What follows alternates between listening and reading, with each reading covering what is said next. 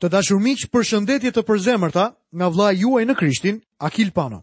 Ju uroj mirëseardhje në emisionin e sotëm, emision në të cilin do të vazhdojmë studimin tonë në kapitullin e dytë të librit të dytë të mbretërve.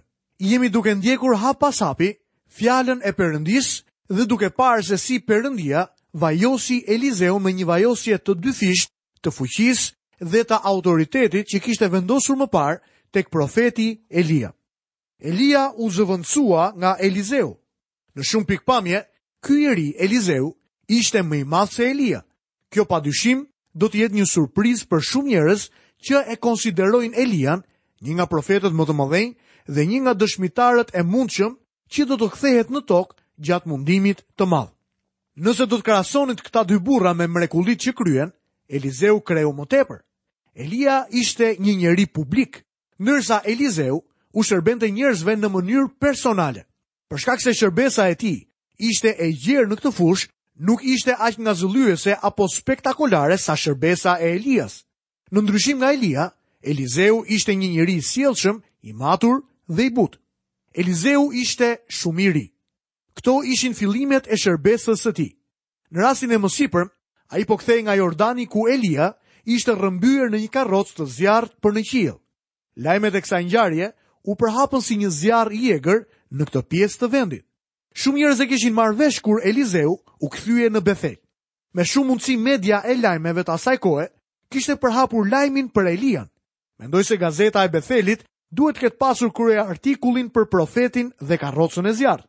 Ndoshta gazeta nuk e kishte konfirmuar historinë, por ata kishin raportuar se atje kishte nga ata që e kishin parë këtë ngjarje të ndodhte.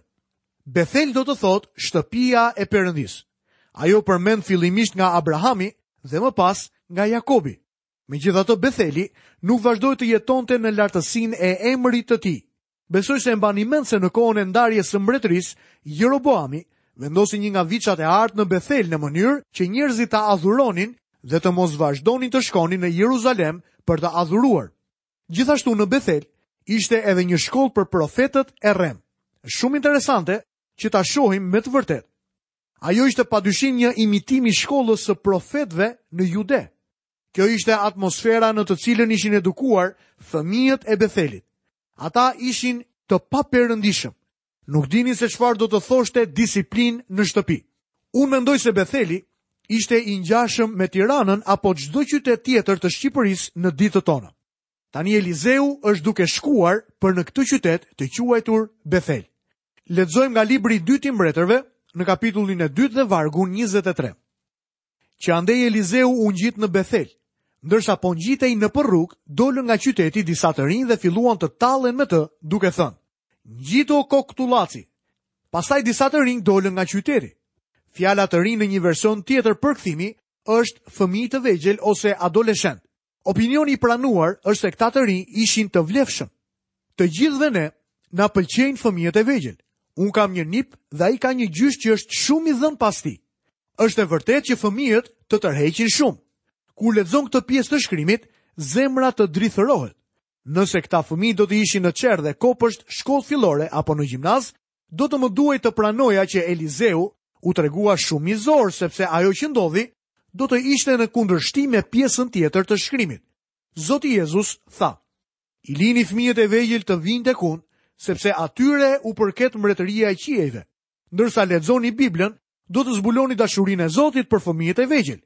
Besoj se e mbani mend se në Kadesh Barnea, populli i Izraelit refuzoi të hynte në tokën e premtuar me disa justifikime si pse Zoti na çon në këtë vend që të biem nga goditja e shpatave. Gratë dhe fëmijët tanë do të bëhen pre e armikut. A nuk do të ishte më mirë për ne të ktheheshim në Egjipt? Ata mendonin se fëmijët e tyre do të ishin në rrezik, por në thelb Zoti u tha: Ju duhet të më besonit. Menduat se unë nuk do të kujdesesha për fëmijët tuaj. Për këtë arsye ju do të vdisni në shkretëtirë, ndërsa fëmijët tuaj që menduat se ishin në rrezik do të trashëgojnë dhe banojnë vendin. Shprehja të rinj ose fëmijë të vegjël sipas versionit tjetër në hebraisht është na'ar ose nahar. Ndërsa studiojmë këtë fjalë, shohim që ajo është e përdorur për Isakun kur ai ishte 28 vjeç. për Jozefin kur ishte 39 vjeç dhe për sodomitët që sulmuan shtëpinë e Lotit. Ju do ta gjeni këtë fjalë të përdorur në pjesë të tjera të shkrimit dhe nuk i referohet fëmijëve ashtu siç ne e mendojmë. Për shembull tek libri i parë i mbretërve, kapitulli 12 dhe vargu i 8 na thuhet: Por Roboami hodhi poshtë këshillën që i dhanë pleqtë dhe u këshillua me të rinjtë që ishin rritur me të dhe ishin në shërbim të tij. Ky varg flet për kohën kur Roboami hodhi poshtë urtësinë e burrave të vjetër dhe të zgjuar dhe u konsultua me më të rinjtë që ishin rritur bashkë me të. Fjala e përkthyer të rinjtë është e njëjta fjalë e përkthyer fëmijë. Jam e sigurt se askush nuk beson se Roboami u këshillua me fëmijët e vegjël, apo që shkoi në një kopësht apo çerdhe dhe diskutoi me të vecklit. Ata ishin burra të rinj. Kur Samueli shkoi të vajoste si mbret një nga bijtë e Isait, besoj se mbani mend se djemtë e tij ishin të rritur. Ndërsa kalonin një nga një përpara Samuelit, ai i tha Isait: "Këta janë të gjithë fëmijët e tu?" Pra edhe këtu fjala fëmijë është e njëjta fjalë e përdorur tek libri i dytë i mbretërve në kapitullin në të cilën lexuam kapitulli 2 dhe vargu 23. Ajo është përdorur për të përshkruar bijtë e rritur të Isait. Davidi, më i riu prej tyre, nuk ishte fare aty. Rrugaçërit që ngacmuan Elizeun nuk ishin fëmijë as adoleshentë, por ishin burra të rinj dhe jo fëmijë të vegjël. Ju do ta gjeni këtë fjalë të përdorur në shumë vende të shkrimit dhe kudo është përkthyer të rinj. Ky ishte një grup me djem të rinj. Ata ishin studentë të profetëve të rremë. Ishte një bandë që ngacmuan dhe u tallën me Elizeun. Ata i thanë, "Ngjitu o koktullac." Çfarë do të thoshin ata me këtë shprehje? Ata po i thonin të bënte të njëjtën gjë që kishte bërë Elia. Ata po thoshnin, përse nuk largohesh si Elia? Ata po talleshin me të vërtetën e shkrimit se Perëndia do të nxjerrë një popull nga kjo botë. Kjo është ajo çfarë thotë Pjetri se do të shfaqet në tokë në ditët e fundit. Kjo ngjarje në librin e dytë të mbretërve na është dhënë që të dimë se Zoti do të gjykojë ata që tallen me ardhjen e dytë të Krishtit. Në letrën e dytë të Pjetrit, apostulli Pjetër na thotë: Së pari duhet të dini këtë, se në ditët e fundit do të vijnë disa përqeshës, të cilët do të ecin sipas dëshirave të veta dhe do të thonë: Ku është premtimi i ardhjes së tij? Sepse që kur etërit fjetën, të gjitha gjërat mbetën në po atë gjendje si në fillim të krijimit. Gjatë ditëve të fundit në tokë do të ketë nga ata që do të tallen me besimtarët për ardhjen e dytë të Krishtit. Ata do të thonë diçka të tillë. Hë pra, si është puna? Akoma nuk jeni ngjitur? Akoma jeni duke ardhur vërdall? Menduam se do të largoheshit. Ky është lloji i përqeshjes që do t'u bëjnë ata besimtarëve. Shumë tashmë po thonë, ku shenja e ardhjes së tij? Pse Krishti akoma nuk ka ardhur? Për këtë arsye ne duhet të jemi të kujdesshëm sot për mënyrën se si predikojmë ardhjen e dytë të Krishtit. Nuk duhet të rrezikojmë. Nuk duhet të bëhemi fanatikë në lidhje me këtë temë, por duhet ta përdorim atë me kujdes, ashtu siç bëhet në fjalën e Zotit. Kështu libri i dytë i mbretërve është një pamje e vogël e gjykimit që do të vijë mbi ata që do të tallen me kthimin e Krishtit në tokë. Ky është një gjykim i frikshëm. Lexojmë më poshtë vargun e 24. Ai u kthye, i pa dhe i mallkoi në emër të Zotit, atëherë dolën nga pylli dy arinj që i bënë copë-copë 42 nga këta të rinj. Është e tmerrshme për një predikues të mohojë hyjninë e Krishtit dhe punën që bëri ai në ardhjen e tij të parë. Është e tmerrshme të mohosh dhe të tallesh me ardhjen e dytë të Krishtit. Kjo sjell një gjykim shumë të ashpër. Vini re, ata të rinj e quajtën Elizeun o tullac. Kështu marrim vesh diçka për këtë njeri. Elizeu ishte pa flokë. Në fjalën e Zotit flitet shumë për gjykimin, kështu që ne duhet të jemi të kujdesshëm me faktet. Nëse kuptoni se për çfarë po flasim këtu, do të vini re që nuk ka asgjë në kundërshtim me pjesën tjetër të shkrimit. Elizeu shqiptoi një mallkim mbi ta. Këtu Elizeu duket si Elia apo si Zoti Jezu Krisht, i cili tha: Mjerë ti Korazin, mjerë ti Betsajda, sepse nëse në Tiro dhe në Sidon do të ishin kryer veprat e fuqishme që u bënë ndër ju, prej kohësh do të ishin penduar me thes dhe hi.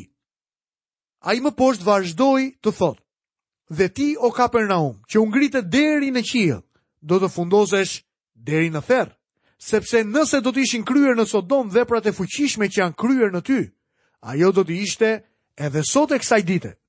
Ky është me të vërtetë gjykimi, miqtë e mi. Ne po jetojmë në një kohë ku flitet shumë për moszbatimin e sistemit ligjor. Mungesa e zbatimit të ligjit nga disa gjyqtarë është një skandal i vërtetë.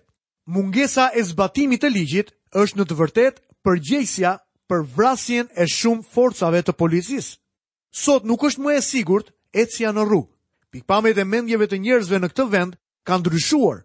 Kur do të zgjohemi?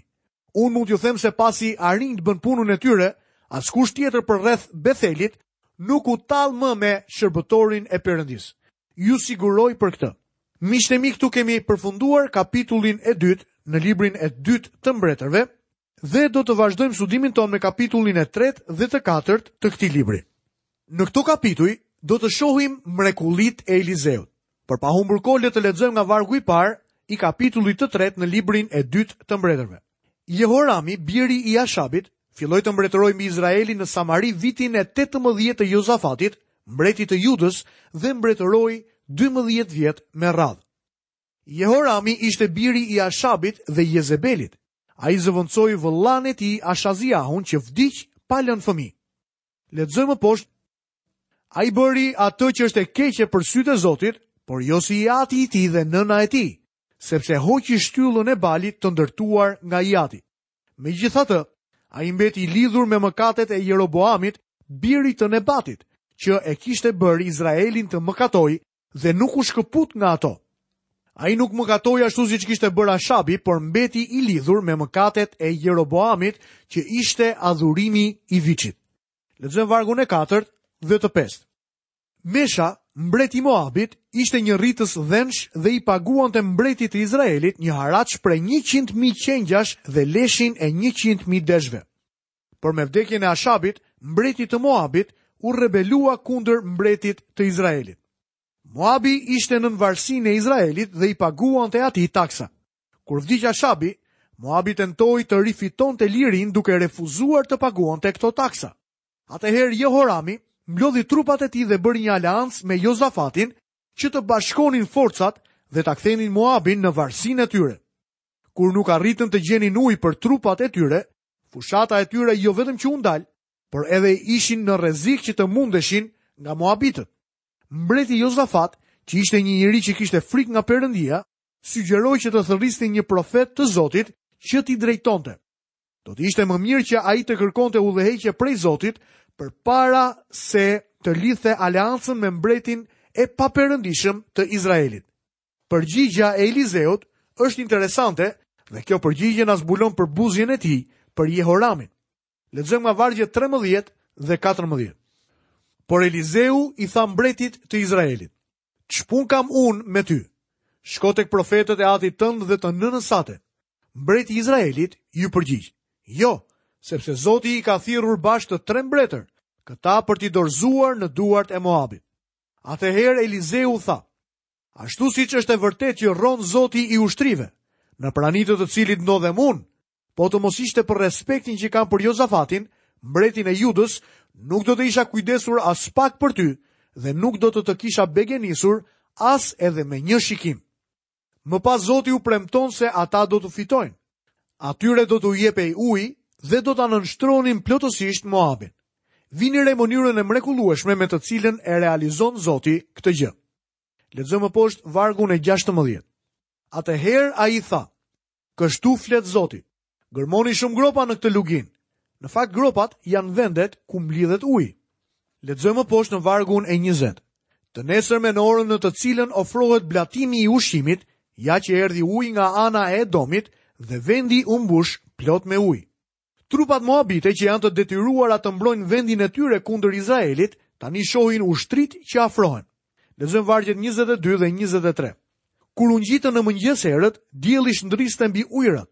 Atëherë moabitët panë para tyre ujërat të kuq si gjaku dhe thanë: "Po, ky është gjak." Me siguri këta mbretër janë përleshur dhe kanë vrarë njëri-tjetrin.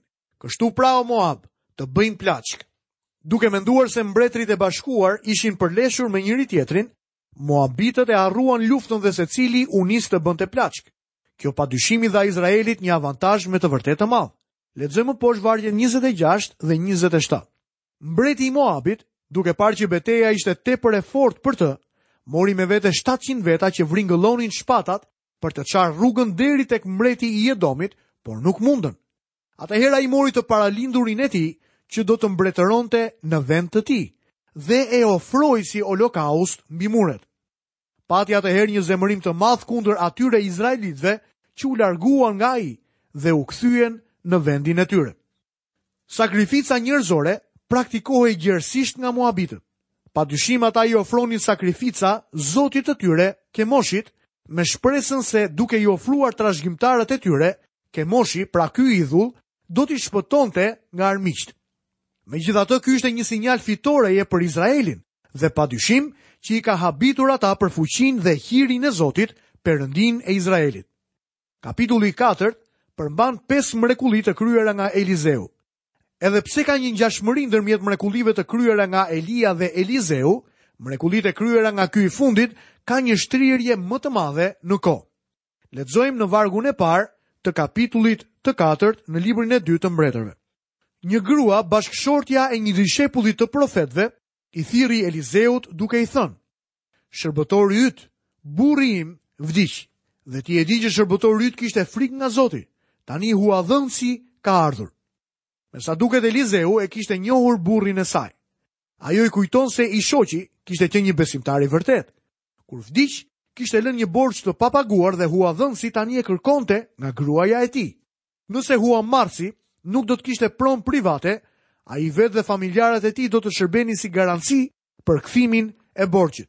Kështu që huadhënësi ligjërisht mund të merrte të birin e së vesë si pagimin e borxhit. Lexojmë më poshtë në vargun e dytë. Elizeu i tha: "Ç'duhet të bëj për ty? Më thuaj, çfarë ke në shtëpi?" Ajo u përgjigj: "Shërbëtorja jote nuk ka asgjë në shtëpi, përveçse një enë të vogël me vaj." Elizeu ndjeu përgjegjësinë për të ndihmuar këtë familje të vogël. Ligji i Moisiut insistonte në kujdesin ndaj vejushave dhe jetimëve. Le të shohim më poshtë se si vepron shërbëtori i Perëndisë. Lexojmë nga vargu i tretë deri në vargun e pestë. Atëherë ai i tha: Shko dhe kërko hua nga gjithë fqinjët e tu disa enë boshe dhe mos u kërko pak. Kur të kthehesh, mbyll portën prapa teje dhe bijve të tu. Pastaj derdh vajin në tërë enët, duke vënë më një anë ato që do të mbushen. Ajo u largua prej tij dhe mbylli portën pas vetes dhe të bijve. Këta i sillnin enët dhe ajo derdhte vajin në to. A mund ta shihni se sa e mrekullueshme është mrekullia që ndodh në këtë moment? A mund ta shikoni shumëfishimin e vajit? U mbushën me dhjetra, dhjetra dhe dhjetra enë plot me vaj. Nga një enë e cila në fakt ishte pothuajse bosh, kishte vetëm pak vaj. Që nga ky moment e tutje, këta njerëz do të kishin vazhdimisht vaj në atë shtëpi. Lexojmë nga vargjet 6 dhe 7.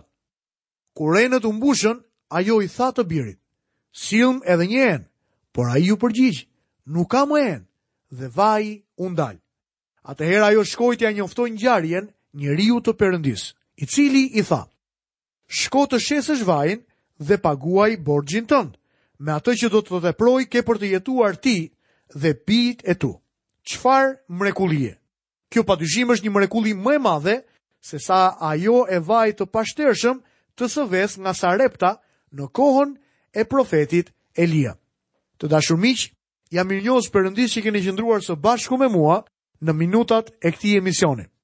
Perëndia t'ju japë frymën e diturisë dhe të zbulesës në njohjen e Krishtit, në mënyrë që të mund të shihni qartë thirrjen dhe planin që Perëndia ka për jetën tuaj. Nga vëllai juaj në Krishtin Akil Pano, paçi të gjitha bekimet e Perëndisë dhe paqen e tij mbi ju. Bashkë mirudëgjofshim në emisionin e ardhshëm.